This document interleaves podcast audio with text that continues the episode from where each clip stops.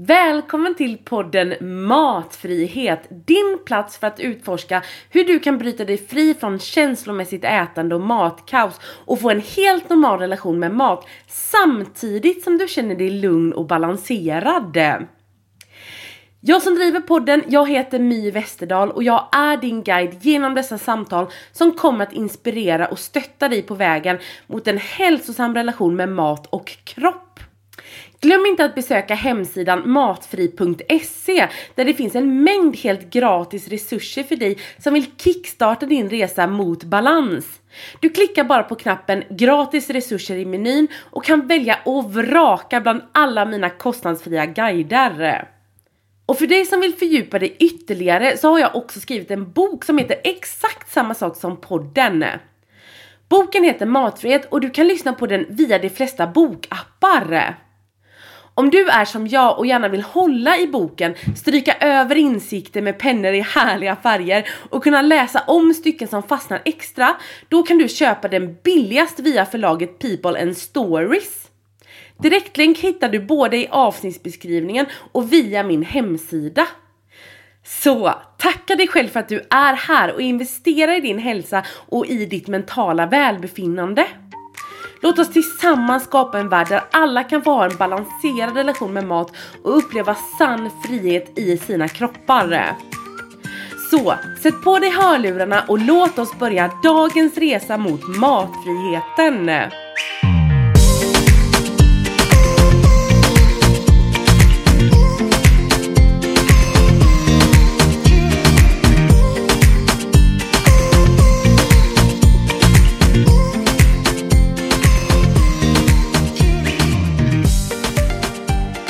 Den är tillbaka! Alltså gud vad roligt att vara här igen. Du fattar inte vad jag har sett fram emot detta. Och med tanke på era mail och era DM så verkar ni också ha längtat till en ny säsong av den här podden. Det är så roligt att ni verkligen verkar uppskatta detta och tycka om detta. Ja, nej, jag blir skitglad för alla, er kom alla era kommentarer, för alla era eh, funderingar och allt sånt där. Det är jätteroligt. Och idag så har jag med en jättespännande gäst. Alltså åh, jag har verkligen, verkligen längtat och jag har verkligen fått gräva för att få tag i hennes kontaktuppgifter. Det är forskaren Susanne som har liksom ägnat 30 år av sitt liv att forska på den så kallade fetmaepidemin och egentligen hur sjukt det här är med liksom hur tjocka människor faktiskt behandlas i samhället. Att det är mer liksom som en, alltså den här epidemin är mer som en social konstruktion än en faktisk epidemi. Och i hennes bok, där går hon verkligen igenom hur sjukt det är och hur den skapades från början och vilka konsekvenser det får på oss tjocka. Att vi liksom vågar hoppa på massa sjuka dieter, att vi provar massa nya farliga preparat och det ena och det andra. Allt för att liksom på något sätt har vi internaliserat detta och liksom det här kroppshatet och kroppsföraktet som den här konstruerade epidemin har skapat. Men jag ska inte tjata länge nu för att intervjun är ganska lång så att jag tänker bara vi bjuder in Susanne som har doktorerat och skrivit en doktorsavhandling på just eh, fetmaepidemin helt enkelt. Så vi kör igång!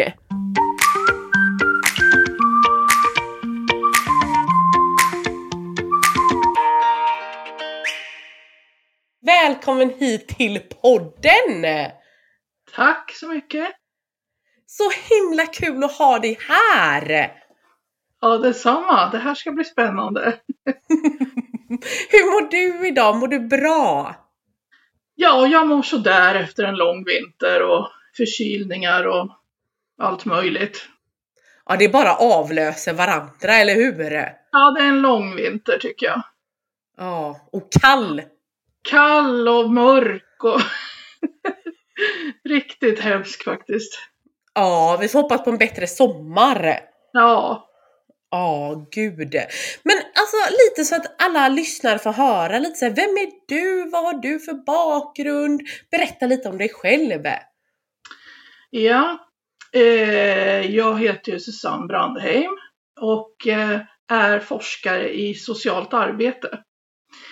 Eh, jag bor i Örebro, är snart 60 år och eh, har nyss kommit ut med en bok som heter Den sanslösa hanteringen av tjocka människor.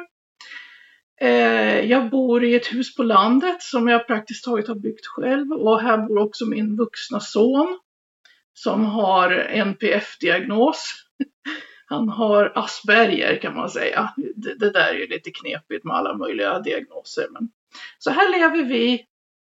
Och eh, ja, mina dagar är fyllda av läsning och eh, skriv, skrivande.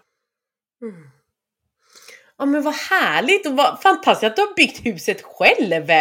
Ja, alltså jag har ju anlitat folk hela tiden men jag har ritat själv och eh, bestämt allting själv. En liten, ett litet hus är det på landet. Men gud vad mysigt, alltså det är vår dröm också. Vi ska också bygga, eller vi har byggt ett hus men då köpte vi liksom, du vet allting var klart, det var ett kedjehus. Vi tänker liksom att nästa projekt så fort räntorna har stabiliserats lite och sjunkit lite, då ska vi verkligen rita det själva, liksom vår dröm, så det blir en fristående villa. Ja. På landet gud. eller i stan eller? Nej, alltså vi bor ju i en förort som heter Gråbo. Som är, alltså det är några tusen invånare här. Eh, så det är inte så på landet, men landet ligger ju precis här. Kan man säga, så det är en tätort. Som så okay. 20 minuter in till Göteborg. Väldigt praktiskt och väldigt barnvänligt och väldigt så ja, men nära till naturen och eh, också så här, du vet alla känner alla, det gillar jag. Ja, ja. Ni är därifrån eller? Inte jag, men min man är det. Okay. Jag är från Bohuslän så att jag flyttade efter honom. Ja, ja. Ja, så så är det. Men du, på landet då, har du mycket egen tid? Ja, jag är ju sjukpensionär nu också så att eh, naturen är allt för mig. Det, det, är det som gäller här och ändå har jag bara några kilometer in till centrala Örebro. Så jag bor precis i utkanten men har bara skog och fåglar och allting. Gud vad skönt. Alltså det är ja. underbart. Ja. Oh. Ingen betong. Nej, oh, oh nej, nej, nej. Höga, stora träd överallt. Åh, oh, gud vad härligt. Men forskar du fortfarande eller hur? Nej, alltså inte på inte på universitetet, men jag fortsätter ju forska hemma. Så mycket som jag orkar. Det slutar jag ju aldrig med. Jag har hållit på i 30 år. Och eh, jag kommer längre och längre i kunskapen liksom om fetma tycker jag. Så jag kommer inte ge mig förrän jag stupar. Nej. Men alltså, du har ju liksom verkligen ägnat hela ditt yrkesliv till tjocka människor. Och det, det, det, det, det sjukaste är så här att jag när jag blev, för jag är ju verkligen noob om man jämför med dig, men när jag blev intresserad av det här området, om hur det faktiskt låg till och hur jävla duperad man var. Det ja. enda jag liksom kom över, det var så amerikansk litteratur, alltså Lindo Bacon, hela den grejen. Men det fanns liksom ja. ingenting här i Sverige. Du är ju verkligen Alltså det finns ju Erik Hemmingsson också på ett sätt men annars så men han kanske inte tar riktigt samma tydliga ställningstagande som dig heller. Nej, han kommer väl mer från medicinskt håll också kan man ju säga. Så, nej, jag var helt ensam och började väl när jag var 27 att inse att, vad är jag nu, 60, alltså 33 år sedan började jag känna att nej, vad fan, ingen vet någonting. Och när jag mötte folk vet du, och hur läkarna behandlade en. Och, som om man var dum i huvudet. Så redan när jag var 27 bestämde jag mig att jag måste forska. Och jag klev in på ett universitet. Ingen i min släkt har varit på ett universitet någonsin. Alltså, så jag klev in där och hade aldrig varit på Insiat universitet och så sa jag till den stackars eh, receptionisten att ja, jag vill plugga någonting här. Säg vad jag ska. Och jag vill bli världens bästa forskare i fetma och hon, stackars receptionist, hon visste, hon fattade inte. Ja, sa hon, då kanske du ska ta sociologi då? Ja, då tar jag det. och, sen, och sen var det igång. Och sen i sociologin sa jag också på en gång att jag tänker ta reda på allt som finns om fetma. Och det är alltså 33 år sedan. Och mina lärare sa, fetma? Vadå? Är inte det medicinskt? Och varför? Varför ska du i, social, i socialforskning hålla på med det? Eh, det är väl inget socialt fenomen? Jo, det är det, sa jag. Och det, så jag, jag visste det redan från början, att det är det. Det är väl ett biologiskt fenomen också naturligtvis, men det är inte intressant känner jag. Nej. Och alltså det här är så himla coolt att du bara kom in och bara som 27-åring, jag menar det var ju, ja, det var ju typ sam, samtidigt som jag föddes nästan och bara klev in och bara det här ska jag göra! Ja. Och liksom bli mött av det här. Och jag, men jag kan tänka på den tiden så var det ännu, alltså men då fanns ju inte sociala medier, det fanns inte den kroppsacceptansrörelsen. Nej, du anar. Ja men alltså det är så häftig kraft. Alltså har du alltid själv varit tjock då och liksom känner att, att det här nej. måste du driva på? Nej, jag har, nej jag blev tjock efter en sjukdom. Sen varför jag blev det eller inte, det kan man diskutera. Men jag gick upp väldigt snabbt i vikt eh, när jag var 22 ungefär. Och märkte ju då och jag har alltid haft jättebra självförtroende i mitt liv. Alltid haft bra självbild, haft roligt, varit, haft kul som ungdom, haft eh, använt min kropp, tyckt om min kropp och sen blev jag, gick jag upp 50 kilo ungefär på under två år. Och då började alla behandla mig helt annorlunda. Helt annorlunda. De började säga liksom saker till mig att vad jag gör, vad jag gör. De påstod vad jag åt och vad jag... Och jag tänkte att ni vet ju ingenting vad jag gör. Men plötsligt visste alla så mycket. Och det fick mig att bli så jävla besviken på relationer på något vis. Och tänkte att var, varför gör de det? Varför håller de på? Vad är det de är så oroliga över? Vad är det här? Eh, och samtidigt då, då började jag se att fetmaepidemin, det här var ju vet du 1990, slutet av 90-talet någon gång. Och sen började jag ju se på sociala medier, eller Facebook kom ju så småningom, internet kom i alla fall, att det fanns en fetmaepidemi. Det var inte bara jag som var tjock. Jag var nämligen ensam om att vara tjock också. I mm. min vänskapskrets och i min familj och allting. Eh, men började se att det finns en fett, så kallad fetmaepidemi någonstans. Och så lyssnade jag på deras berättelser. Om, och de berättade precis mina upplevelser och allting. Och jag tänkte, herregud, de berättar också att ingen vet något. Läkarna förstår inte. Folk går ut från läkaren och är helt söndermalda och vet själva inte varför de känner så. Eh, så att jag är lite galen och tänkte att nej, nu ska jag ägna hela mitt liv åt det här. Det är faktiskt ganska häftigt att göra en sån projektgrej. Och till slut så vart det en avhandling. Så jag, jag är jättestolt över det. Det är helt otroligt. Och alla undrade under de första tio åren. Fetma, vad fan är inte det en... Det har väl inget med socialt att göra. Men jag fortsatte. Och folk när de satt och skulle granska mina uppsatser och så, så sa de typ att Men vill du egentligen hjälpa tjocka människor att bli smala? Nej, sa jag, det är inte alls vad jag sysslar med. Så de var inte alls på tåget med att eh, det fanns en stigmatisering eller en social, mm, ett socialt förtryck. Överhuvudtaget, ingen visste det. Kändes det som då i alla fall. Men alltså jag kan verkligen tänka mig det, för jag kom ju åt andra hållet. Jag har ju alltid varit tjock. Och sedan så, eh, när jag var 20 så då vägde jag mycket och så hade jag, då bantade jag ner mig 95 kilo. Så nästan 100 kilo svalt jag ner mig själv. Och blev ju såklart sjuk i det, men det är ju en annan sak. Men eh, då blev det ju tvärtom bara jaha, är det så här att leva liksom? Du vet, alla behandlade den helt annorlunda, man var välkommen överallt, man kunde köpa kläder överallt, jag kunde söka vård utan att liksom behöva ta en fight eller bli förkrossad. Alltså, jag, mm. alltså möjligheterna var överallt. Och sen när jag blev tjock igen eh, så, så upplevde alltså, då liksom, såg jag liksom hur alla mina liksom privilegier, eller man säger bara plockades undan en för en. Jag kommer ihåg efter min mammaledighet, då, då sökte jag ett jobb som eh, som eh, konsultchef på ett ställe. För jag, jag har ju en teknisk bakgrund, jag är ju civilingenjör och eh, jag hade världens bästa CV, det matchade så bra.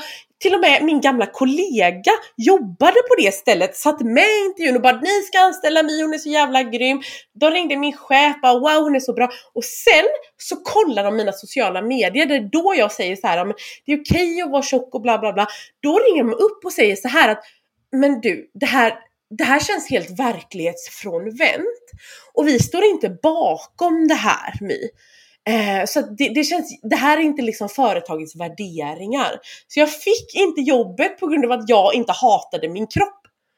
Oh, wow. Och det är så sjukt! Och det, det, finns ju jättemycket studier i det här liksom hur, hur vi tjocka tjänar mindre liksom än, än, än smala, att vi har liksom färre karriärsmöjligheter. Men jag upplever verkligen det sen jag blev tjock igen. Att, att mitt liv har blivit så mycket mer begränsat.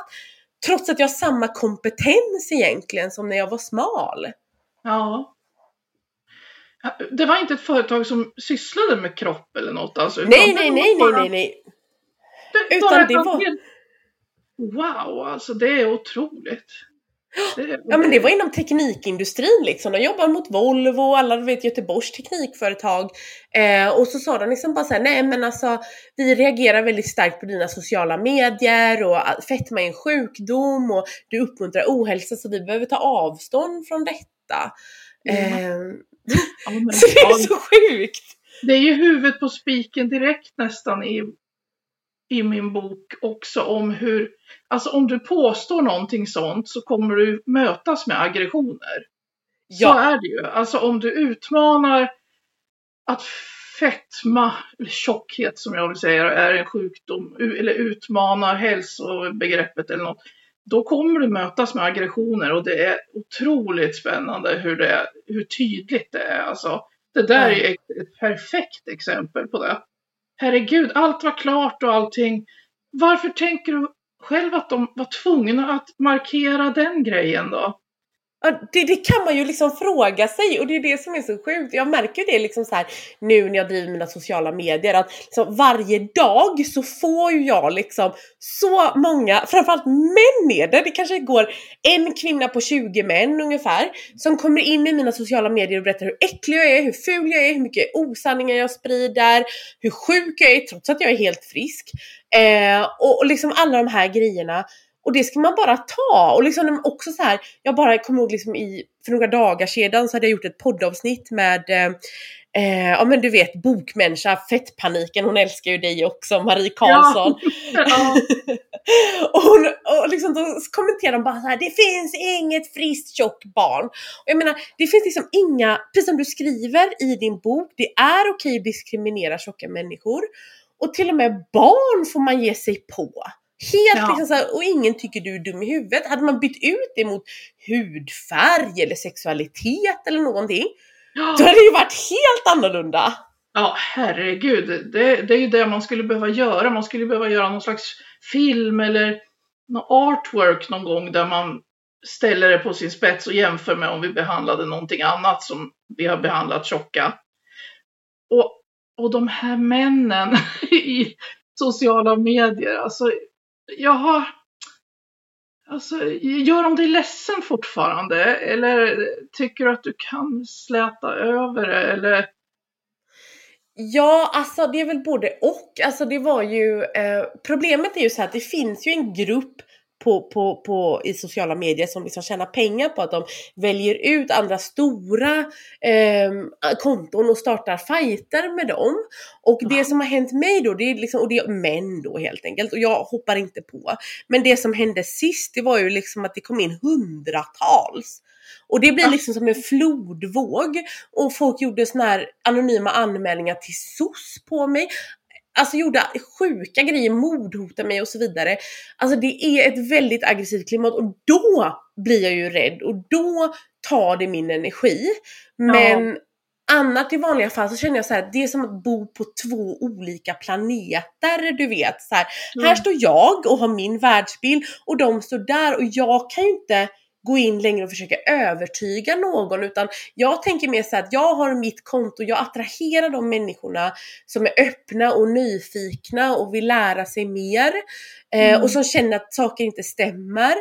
Eh, och sen så resten får, jag kommer inte fightas med någon. Men jag känner liksom i Sverige så har vi så extremt långt kvar. Alltså vi är en liten gräsrotsrörelse, vi är inte många. Och det är liksom så här, nej. det är så få som ens tänker de här tankarna. Ja, det är det. Alltså, de här männen som jag kallar, ofta kallar supermänniskor i min bok. Då, alltså, de som, jag vet inte vad det är de tror att de själva är egentligen. Alltså vad de tror, varför de har tagit på sig någon slags roll att, att, rätta, att rätta till människor runt omkring sig. Och särskilt tjocka kvinnor. Jag tror att det är hotfullt med tjocka kvinnor på något vis. Det, det hotar deras man... Jag tror faktiskt att det hotar deras manlighetskänslor. Se- sexualitet och så där man vet hur en vacker smal kvinna ska vara.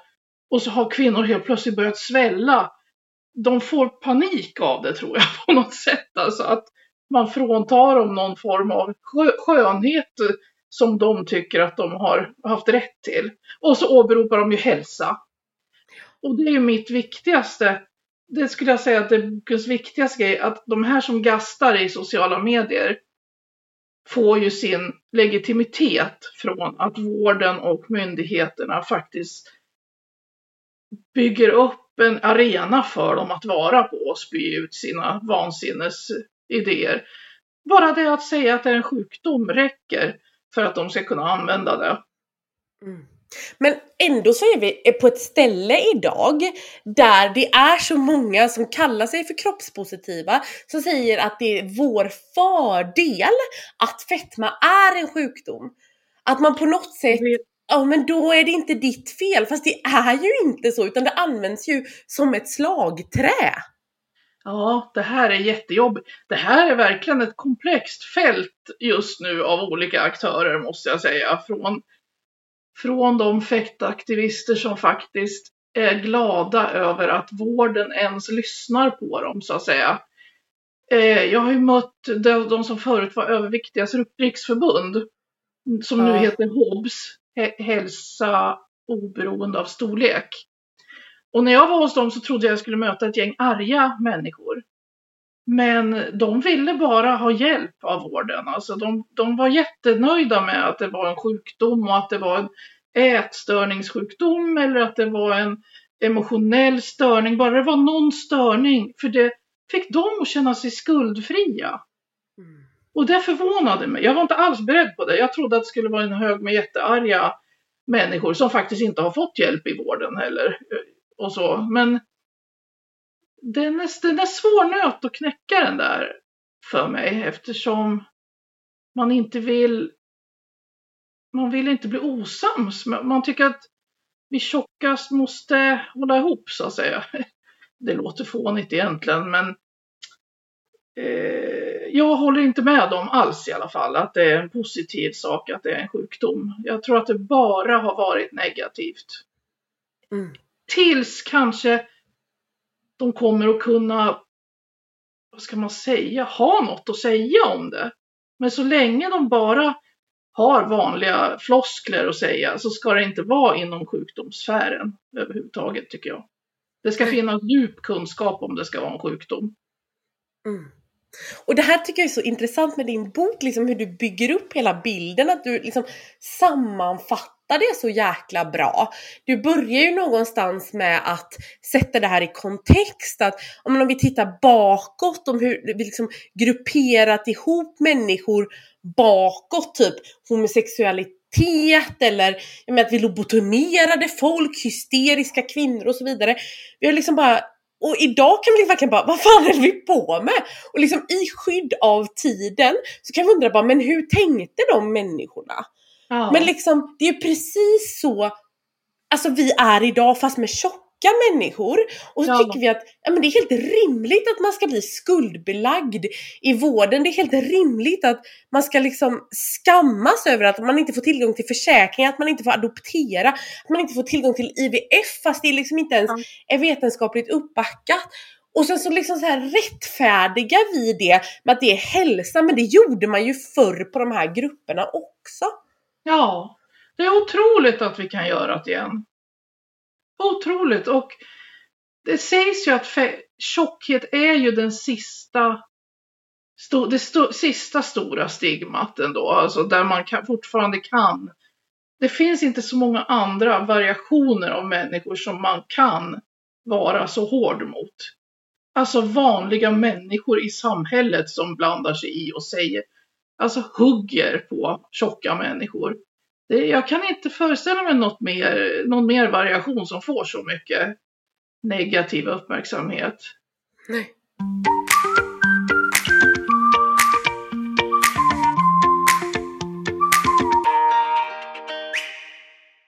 Det jag tänker på med din bok det är hur du bygger upp det liksom.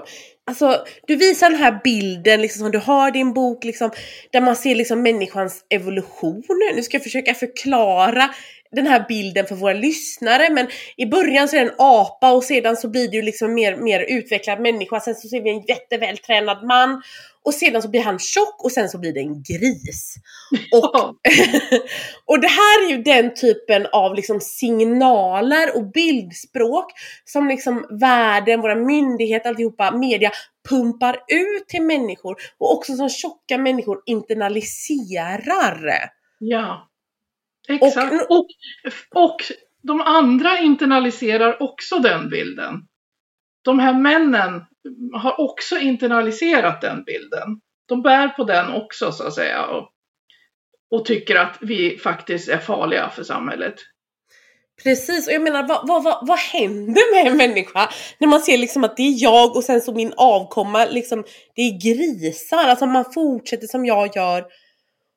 Och också det här som, som du säger, alla de här initiativen som har byggts upp, alla myndigheter, alla åtgärdsplaner, så vidare, så vidare. Och vi blir ju faktiskt bara tjockare och tjockare.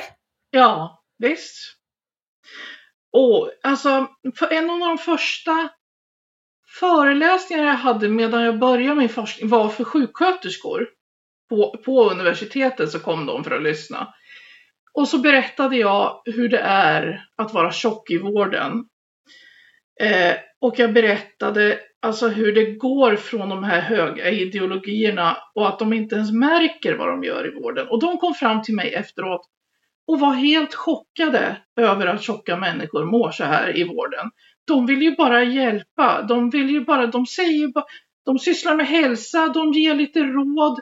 Det de då inte har förstått är de här stora ideologierna, strukturerna, systemen som när, när den tjocka får motta det där rådet så säger det så mycket mer än vad de tror. De har inte den kunskapen om hur, hur sociala system fungerar, vad som landar till slut i individen. De tror verkligen, och även de här männen tror jag bara tror att de säger bara till er och skärpa er lite. Du skärper er lite, gå ner i vikt som jag har gjort. Ofta är det att de tror att de har jobbat väldigt hårt och tycker att alla andra ska göra det också. Eh, men de förstår inte att det plockas ner från stora, stora idéer om att vi är på väg att bli grisar allihopa. Så det är väl det jag gör i boken, tar från de stora idéerna ner till men, den tjocka människan, hur det landar i dem.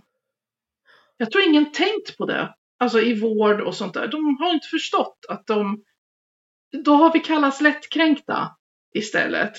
Kan inte hö- ta ett råd om bantning. Nej, det är så mycket mer i hela ens liv som har påverkat en om det här. Ja, och liksom också så här typ att Eftersom jag har varit tjock hela livet så har jag ju varit i vården hela livet, inte nu som vuxen men som barn. Eh, och liksom min mamma tvingade ju banta mig liksom som barn. Eh, och liksom alla pratade bakom hennes rygg liksom vilken kvinn eller vilket, vilken misshandlare hon var med liksom hennes tjocka dotter och så. Och det är så jävla sjukt för att jag menar, jag är den enda som är tjock av mina syskon. Så det är Ja. inte så att att liksom på något sätt, men vi har olika gener då. Det är ju inte så att de göder sina barn utan det var ju jag då som var den misslyckade. Och, och när man var i den här liksom barnobesitasvården, den var ju fruktansvärd. Jag kommer ihåg att inför varje möte, jag kunde ju inte sova på flera veckor för jag visste att jag kommer gå upp i vikt, jag kommer få stå där naken framför liksom sjuksköterska, läkare, de kommer sucka, de kommer skälla på mina föräldrar, mamma kommer gråta på vägen hem, hon kommer inte kunna titta på mig på flera dagar. Eh, Alltså det var sådana fruktansvärda sociala konsekvenser. Jag liksom drömde mardrömmar och idag så liksom så fort jag närmar mig en vårdinrättning så liksom reagerar ju hela min kropp på det. Jag, får, jag, mm. jag, jag kan ju ta blodtrycket i vården för jag får ju svinhögt. Hela mitt liksom börjar skaka och jag kan knappt gå dit med mina barn för jag kan inte koncentrera mig för jag blir så yr så fort ja. jag träffar en vårdpersonal. Och det här ja. är liksom så här gamla stressinlärda PTSD-reaktioner hos en människa. Ja. Och de vet ju inte det liksom. Nej, de fattar inte det. Det här är existentialism. Alltså de har ju träffat dig mitt i din kärna, vem du skulle vara och kunna eh, bli och kreativitet och livslust. Sakta så att säga pressa sig sönder. De tror, när de pratar om lättkränktheten så tror de att Alltså vi är ju otroligt icke lättkränkta. Vi är ju så lydiga, tysta, snälla och har på ett sätt låtit det här göras med oss, så att säga, på ett sätt. Eh, men de säger lättkränkt, då tror de att det här bara han, de har, har inte hört din historia. De tror att någon läkare har väl sagt åt henne att hon behöver gå ner i vikt. Ja, och nu för hon ett jävla liv om det. Det handlar ju inte om det. Det handlar om att de har pressat hela ens inre kärna, alltså helt och hållet. Det är helt fruktansvärt. Och jag hoppas att det blir rannsakning på det här i framtiden ordentligt, alltså att vården faktiskt kom, börjar säga någonting om det här, vad de har gjort, börjar visa att de kanske börjar förstå. Jag tror att det finns de som börjar förstå. Ja, och jag tänker också så här att det är ju inte bara i vården, alltså när man växer upp som ett tjockt barn så är det ju Alltså jag var ju bara min tjockhet. Jag menar ja. när jag kom till skolan så barnen mobbade mig, de vuxna, mina lärare, de pratade viktnedgång med mig. Mina föräldrar satte mig igen på olika dieter eller begränsade min mat. Alltså jag var ju ingenting annat än en tjock person. Jag fick aldrig upptäcka några intressen eller så vidare på det sättet. Utan, och där lärde jag mig också någonstans att det var det, eller så var jag tvungen att vara jävligt duktig i skolan och få högsta betyg i allt. För då blev jag någonting annat, då fick jag respit liksom. Men annars ja. så var jag bara en tjock person. Ja. Och, Tänk och, och, primitivt alltså. Precis. Så primitivt och simpelt och otroligt. Ett otroligt primitivt. Det är som att betrakta någon film där folk mobbar ut en som ser nog lite, lite annorlunda ut än någon. Det är sånt som vi ska ha tagit bort i, civiliserat samhälle. Det bara har barkat iväg men det blev en moralpanik. Helt och ja. hållet alltså. Hos ja. lärare som och naturligtvis klasskompisar. Alla trodde ju att man bar på en epidemi. Alltså, Precis, och det värsta i det hela det är så här: okej, okay, okej okay, om det hade varit lite jobbigt och att vi faktiskt fick resultat. Men ja, idag, jag liksom som, som ingenjör, jag älskar mina siffror så jag är liksom inne så här och idag så finns det ju ett register som heter BORIS, det är barnobesitasregistret. Och där visar det på hur kapitalt jävla dåliga våra åtgärder är. Det funkar ju inte! Alltså Nej. barnen som får alla de här invasiva åtgärderna får sina liv liksom söndersmulade som jag fick. Ja. De blir ju ändå bara tjockare. Ja. Det är, alltså, det är häpnadsväckande. Jag, jag, tror att man skulle behöva liksom ruska, skulle man sätta sig med en människa från Folkhälsomyndigheten eller från Socialstyrelsen eller något, så tror jag de skulle förstå om man satt och pratade med dem i en timme. Men de har hamnat i ritualer. I ritualer av Just det, vi kämpar ju mot fetmaepidemin. Och för dem är det lätt, en, en liten lätt sak i deras liv att bekämpa fetmaepidemin. Vad ska vi ha nu för intervention? Vad ska vi ha nu för eh, åtgärder hos läkarna och så här. Men de, se, de kan inte sätta sig in i vad det här innebär i andra änden på något sätt. Har hakat upp sig. Så de, och vi har inte riktigt talat om det än för dem heller. Vi har ju inte det. Istället har det då dykt upp fettaktivister som du vet flåntar sitt fett och gör dem ännu argare. Alltså, de blir ju ännu argare.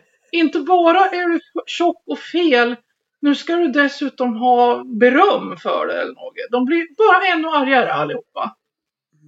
Så där, vi har inte riktigt berättat tror jag hur illa de har gjort med oss. Jag tror inte det. Nej. Men problemet är också att jag kan inte förstå. Jag kan inte förstå. Det är så här, om, jag, om vi hade lanserat en ny blodtrycksmedicin som liksom visade på så här, ja men alltså du får ett lägre blodtryck det första halvåret men sakta men säkert så blir det högre och efter fem år så är det mycket högre än det var från början. Alltså det, det finns inte en chans att en sån medicin hade släppts på marknaden. Men dieter, jag menar på Sahlgrenska universitetssjukhuset, då börjar man att pulverbanta sina patienter på obesitasmottagningen. Ja, ja, men det alltså, finns ju ingenting. Jag mejlade dem och frågade dem liksom så här, liksom en, och då fick jag kontakt med en professor. Jag bara varför pulverbantar ni era patienter? Alltså det finns ingen forskning som visar på att det här är hållbart och dessutom här har ni forskning som visar på att jojobandning faktiskt är skadligt på hjärta och kärl. Och då säger han så här, Nej men det här är bara en kickstart in till bättre vanor. Det är ja. vår första åtgärd och eh, jojobantning är inte farligt för tjocka människor. Va? va? Nähä! Nej, okej! Okay. Nej nej! Och det är liksom så jävla stört för att jag menar om du går igenom all forskning idag, alltså den bästa forskningen som finns på området som ger mest positiva resultat, det är att 80% när du har satt någon på en diet behåller någorlunda viktnedgång liksom. Ja. Eh, och den är sponsrad från eh, liksom, dietindustrin. Men liksom resten visar på att det är liksom promillen, procent som behåller någon slags viktnedgång. Och att det är associerat med väldigt ätstört leverne, alltså mycket träning och väldigt lite kaloriintag. Ja. Så det funkar inte, så varför får det här fortgå? Och det finns inte lite forskning på det. Det finns alltså rigorös forskning på det. Ja, oh ja, alltså det är ingen, det är ingen tvivel. Det finns ingen tvivel om det. Men det de kan hela tiden åberopa, tror jag, är ju just det där att det är vårt fel att det inte fungerar. Inte interventionerna. Det, det är liksom det de hela tiden kan gå tillbaka till att här har vi interventioner, vi har vi har termo, du vet, fysiska lagar, termodynamiklagen, energi in och energi ut. Ju mer du stoppar in där och ju mer, de, de tycker att det är en kunskap så att säga. Och om vi in, fortsätter att vara tjocka eller blir tjockare så är det att vi inte har tagit till, vi har inte förstått informationen. Det, Den mm. kan de fortsätta säga. Det är ju helt galet, jag blir så arg! Ja, jag blir, och jag blir helt, jag blir varm nu alltså för att jag är fortfarande lika arg över det. Oh. Fortfarande lika arg som jag var för 30 år sedan och det bara det pågår vissa förändringar men det lever kvar ändå det där alltså att pulverbantning startade de här på USA också, på universitetssjukhuset här för några år sedan. Det är helt ofattbart. Finns inte en enda pulverbantning som har fungerat någon gång. Så jag tror ju, jag skriver om den passande fienden i boken bland annat. Jag tror att folkhälsan, hälsoideologin, alltså är ju kanske en av de största, vad ska man kalla det, sociala ordningssystemen vi har idag. Hälsa är ju verkligen, det är verkligen hög, högt kapital alltså det, idag. Och då tror jag att fetman fungerar som själva motsatsen till hälsa. Man, man bottnar i den för att visa vad allt hälsa inte är. Och på så vis bara används vi. Vi bara används i... Ingen bryr sig egentligen om att läka oss eller varför vi blir tjockare hela tiden. Utan det används i syfte att peka på det hälsosamma smala bara det kan vara en förklaring tänker jag till att det kan vara så jävla hjärndött fortfarande allting. Så jävla hjärndött måste bero på att de sysslar med något annat egentligen än att eh, vara intresserade av fettman. Den har blivit folkhälso eh, ideologins heliga graal fast i negativ bemärkelse. Och man kan använda den hela tiden för att ta sin hälsoideologi vidare. För annars är det, det är obegripligt annars. Ja men alltså det är som att de här supermänniskorna som du skriver om, liksom de här hälsofascisterna. Jag ska säga så här, jag var ju en del utav dem när jag gick ner i vikt liksom. Ja, ja, ja. Du, du vet... Det är inget konstigt. Det, det, är inget konstigt. Vi, är alla, vi har alla delar av supermänniskor i oss. Det, absolut. Ja, men det är ju så liksom så här, jag skulle mäta alla mina parametrar och så när det var så bra så var jag lite bättre och liksom den här tjocka människan står ju för allt man inte vill vara och det är också som du skriver i boken att det blir så tydligt när folk säger att de känner sig tjocka. Ja. Det är ju så att ja. jag känner ju mig inte, jag vaknar ju inte upp och känner mig homosexuell en dag. Nej. Nej, så. Utan, utan, alltså inte för att göra en plump jämförelse men i min värld är liksom inte homosexualitet någonting dåligt, någonting som är eh, liksom icke eftersträvansvärd utan det är normalt, det är vackert. Och därför vaknar inte jag upp och, och när jag har en dålig dag och känner mig homosexuell liksom. Nej. alltså, det är liksom, medan människor, kvinnor över hela världen vaknar upp och känner sig tjocka när de har en dålig dag. Liksom. Ja. Alltså barn som intervjuas och säger först att de känner sig fula, säger i nästa andetag för att de är tjocka. Det är fulhet personifierad för dem. Alltså, tjockhet är fulhet. Så de tror nog att de är lite för tjocka, det är därför de känner sig fula. Så vi mm. vet att tjockhet är fult. Barnen vet det redan från tre års ålder. Alltså vet. Det är så jävla tragiskt. Ja, fy fan. Det är löj löjligt är det alltså. Mm. Och jag tycker att vården och de borde gå ut någon gång och säga någonting. Jag tycker de är ganska tysta faktiskt. Men jag tror inte de har kunskap än heller om hela den här härvan. Nej.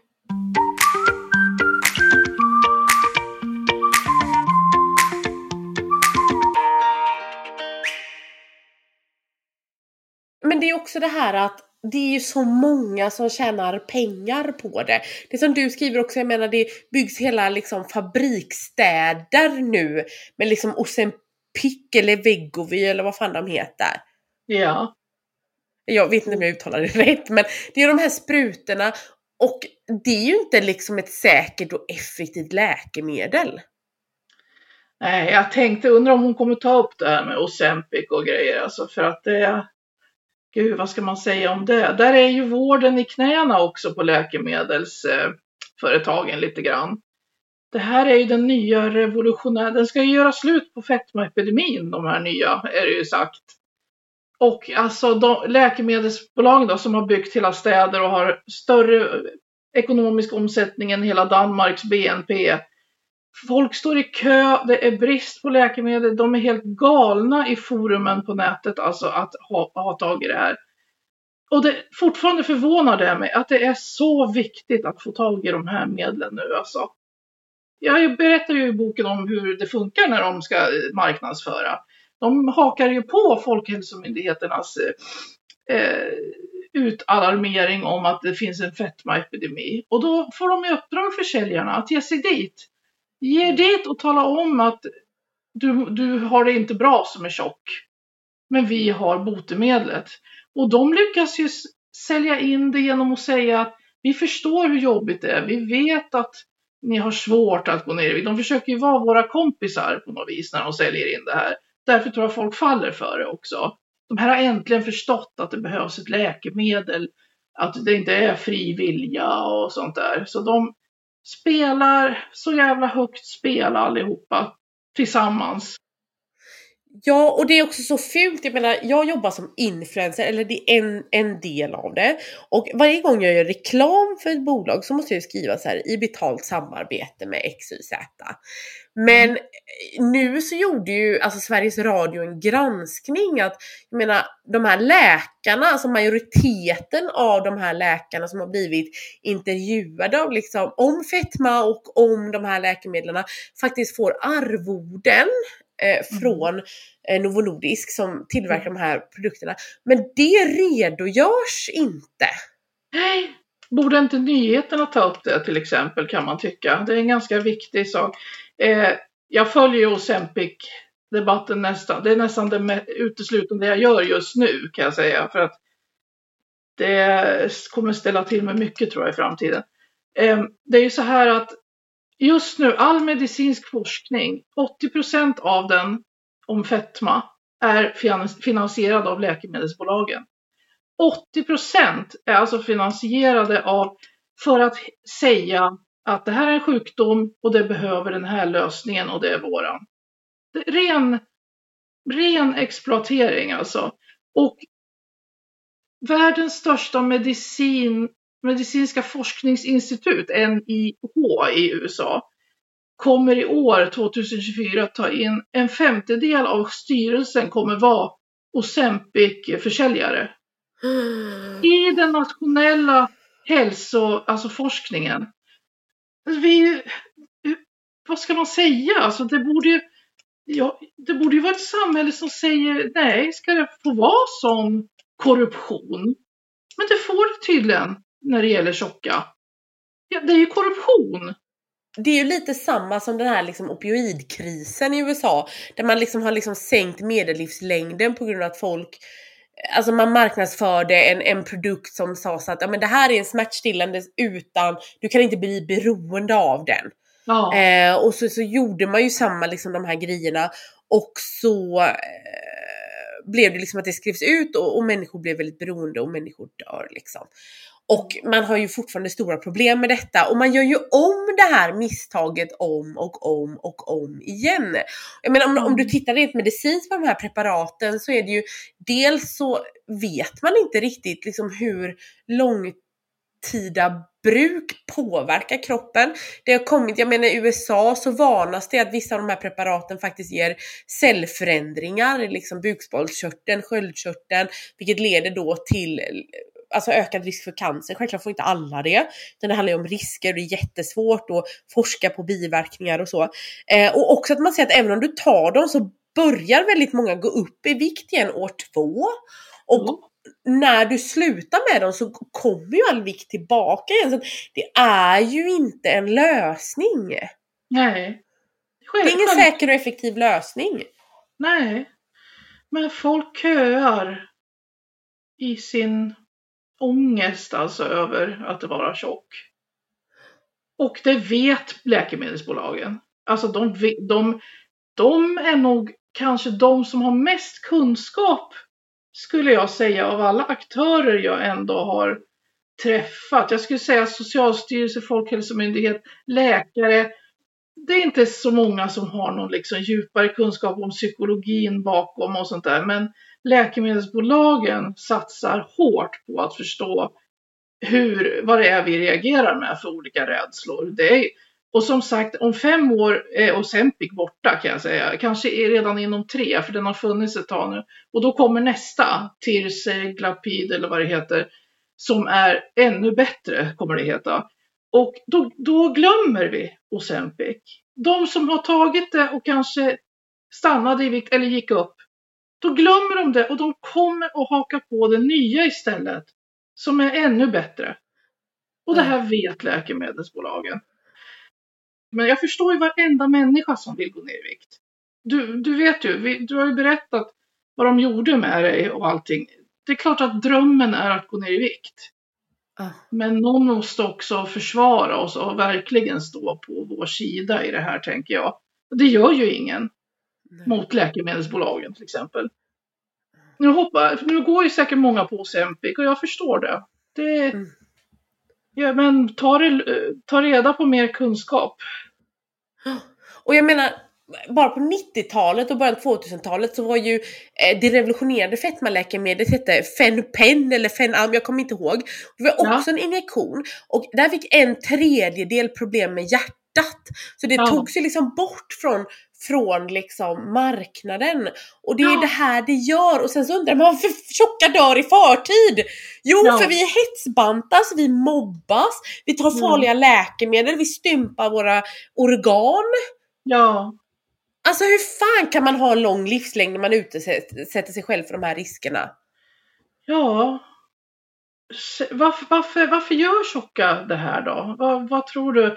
Tror du att det är att vi faktiskt ännu inte har fört den här diskussionen tillräckligt mycket? Att vi är i början bara ändå av att avslöja hela... Jag tror faktiskt vi är i början bara. Att det är det som är... Man, vi får väl liksom ha lite tålamod. Ibland kan det kännas som att nej, det här är helt sjukt och så kommer de köa för nästa läkemedel och ingen vänder det tillbaka. Men jag tror man måste ha tålamod och homosexualitet var en sjukdom länge innan det togs bort. Eh, lobotomerade har fått skadestånd. Det, historien ordnar upp saker och ting. Det, den gör det tror jag. Men det kan lika gärna göra bara värre och värre. Men det, det är ju nästan omöjligt att göra det värre. Jag vet inte hur det skulle se ut då. Jo, det är om vi nu kommer att tvingas att ta Ozempic kan jag tänka mig. Att några galna politiker kommer få för sig i vissa länder att nu när det här finns, tar man det inte så kanske man inte heller ska få uppehåll och eh, bidrag och sådana saker. Det, då skulle det gå åt ännu värre håll. Det skulle jag ju säga. Ja, lite såhär Ozempic-pass. Som ja. vaccinpass fast ja. pickpass. Ja. Nej men alltså det, det är ju också det här liksom som du skriver liksom i din bok det här att jag menar att det är så konstruerat. Jag menar en riktig epidemi behöver ju inte de här marknadskrafterna för Nej. att, att liksom ses, alltså när, nå, när, när det går riktiga sjukdomar, du ser ju det överallt. Men ja. här är det mer liksom så att det ska beräknas, det ska visas och jag menar när jag själv liksom så frågat och mejlat både Cancerfonden och alltså på deras siffror, så här, men vad får ni det här liksom 30% av alla cancerfall är liksom ihopkopplade med fetma och så vidare. De kan ja. inte svara på det. Eller när jag frågar liksom eh, Folkhälsomyndigheten, om ni säger så här, så här mycket kostar feta, kan jag få se beräkningarna så får jag inte det. Nej, För de kan jag... inte, ja men det är uppskattningar. Ja men det är uppskattningar som människor använder för att hata mig liksom. Ja, ja precis. Jag har heller aldrig fått svar av någon på de frågorna utan man får leta verkligen i forskning som har kollat räkenskaper och som har... Det finns liksom ingen myndighetsperson som sitter på... De utför ju bara sin lilla del på något vis där alltså. Kostnaderna, ja det... Usch, det... Ja, och vad gör det med människor att veta bara, men jag är en belastning? Men, det är ju så att säga, okej, okay, jag får inte tillgång till all vård, men jag betalar fan skatt som alla mm. andra. Och liksom mm. jag bidrar till samhället som alla andra. Alltså det är så sjukt att höra och också så här, alltså det är så här, det har verkligen vänt som du skriver i din bok. Det är vad kan jag göra för samhället istället för att samhället ska ju verka som mig och mina liksom eh, oss allas bästa. Vi ska ta hand om våra sjuka, vi ska hjälpa varandra, vi ska se till så att allting fungerar. Men istället får vi reda på att vi, vi liksom bara är belastningar och kostnader för alla andra. Ja, jag vill återvända till den passande fienden vet du, i det här, när du mm. nämner det här med kostnader och grejer. Alltså en urgammal psykologisk klassisk eh, teori är ju det här att om du har en gemensam fiende så kommer du få en bättre relation. Så säga. Om ni två är i luven på varann och så kommer det någon som är mycket värre så kommer ju ni finna varann igen mot den fienden. Och jag tror att fetma, alltså det kan, det kan inte funnits något i historien som är så synligt. Och som de hela tiden bara kan åberopa på grund av synligheten. Eh, att vi ens frågar varför, hur mycket tjocka människor kostar i vården när det finns så mycket sjukdomar, svåra sjukdomar, så mycket lidande, så mycket ålderdom, eh, Alltså sånt som, vi, vi måste ju betala för sånt. Men frågan kommer för att vi syns hela tiden. Och vad ska vi göra av vårt utseende så att säga? Jag, jag tror att det, man, det, det det handlar om hela tiden är utseendet. Och så gömmer de sig bakom ord om hälsa och, och vad kostar en tjock människa vården? Ja, det, det kan de inte räkna ut överhuvudtaget. Nej. För det, det är på något sätt som att smala människor då inte skulle drabbas av sjukdom och det vet vi ju definitivt inte sant och de är överrepresenterade i vissa sjukdomar som ALS och andra grejer liksom. Och, Mm. Så det, det, det är ju så, så sjukt alltihopa och jag tänker så här för att vi börjar få dåligt med tid att på något sätt hur det här internaliseras hos den tjocka individen. Att det inte är konstigt att man hatar sig själv och är villig att gå liksom hur långt som helst, prova farliga dieter, prova farliga preparat eh, för att bli smal. För att någonstans så är ju den här bilden att i varje tjock människa finns en smal person som bara vill komma fram typ. Eh, och, Mm. och, och, och det är ju så, så liksom sjukt. Och jag tror ändå att man måste gå tillbaka. För mig handlar det om väldigt mycket så här, fan jag har så mycket disciplin i alla områden. Jag har en jättehög utbildning, jag får höga betyg.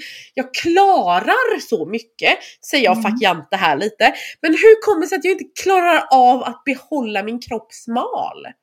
Mm. Och jag tror att det är en bra startpunkt. Ja, alltså lyssna på den frågan. Lyssna på den och tänk efter att det är två miljarder människor i samma fråga. Mm. Kanske finns det ett svar på den frågan som inte har med dig att göra överhuvudtaget.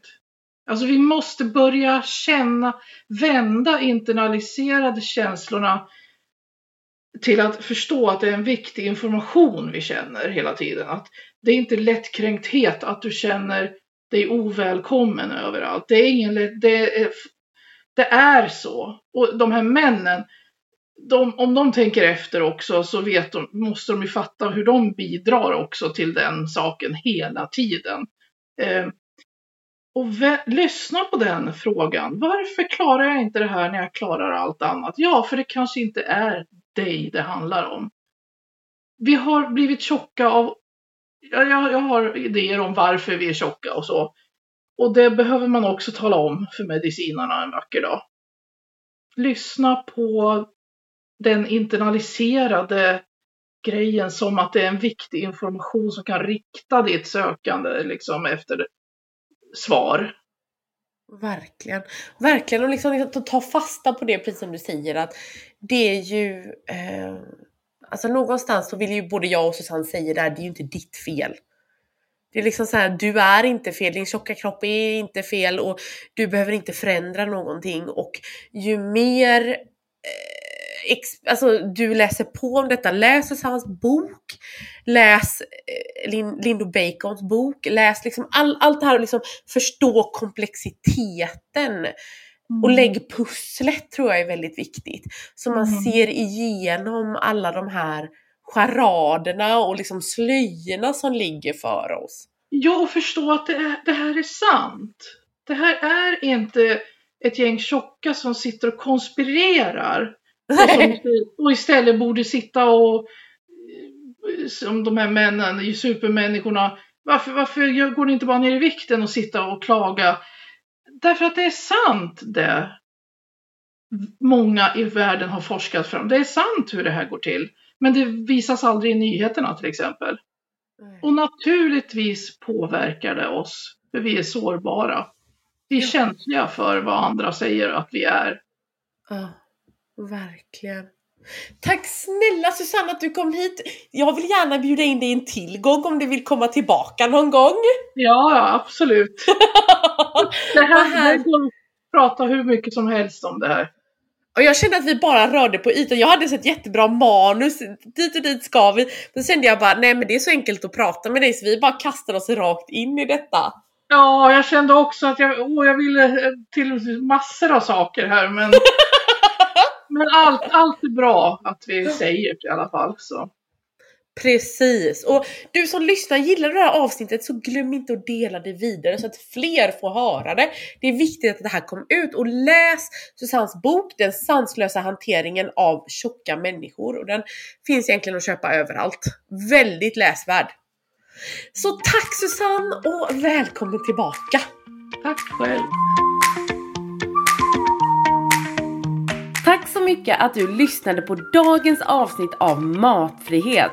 Jag hoppas att du har fått värdefulla insikter och inspiration för din egen resa mot en hälsosam och balanserad relation med mat och kropp.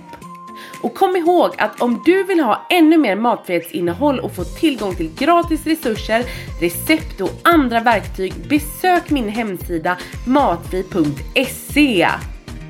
För att hålla kontakten och inte missa några framtida avsnitt, prenumerera gärna på podden i din favoritpodcast-app. Och för att följa min vardag och få dagliga tips och inspiration, följ mig på sociala medier under namnet myvesterdal.se. För de senaste uppdateringarna om podden, följ podden på Instagram under kontot podden Matfrihet. Och du, Tack igen för att du lyssnar. Tacka dig själv att du investerar i dig själv med den här tiden. För kom ihåg, din relation med maten och din kropp är viktig och du är inte ensam på den här resan. Ta hand om dig så hörs vi snart igen.